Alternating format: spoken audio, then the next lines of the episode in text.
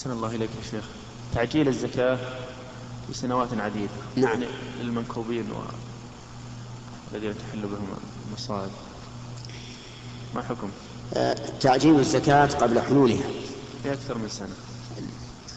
لأكثر من سنة. الصحيح أنه جائز لمدة سنتين فقط. ولا يجوز أكثر من ذلك. ومع هذا لا ينبغي أن يعجل. لا ينبغي أن يعجل الزكاة قبل حلول وقتها. اللهم إلا أن تطرأ حاجة كمسغبة شديدة أو جهات أو ما, أو ما أشبه ذلك فحينئذ نقول يعجل لأنه قد يعرض للمفضول ما يجعله أفضل. وإلا فالأفضل أن لا يزكي إلا إذا حلت الزكاة.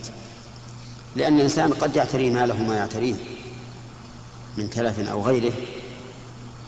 وعلى كل حال أيضا انتبه إلى أنه لو زاد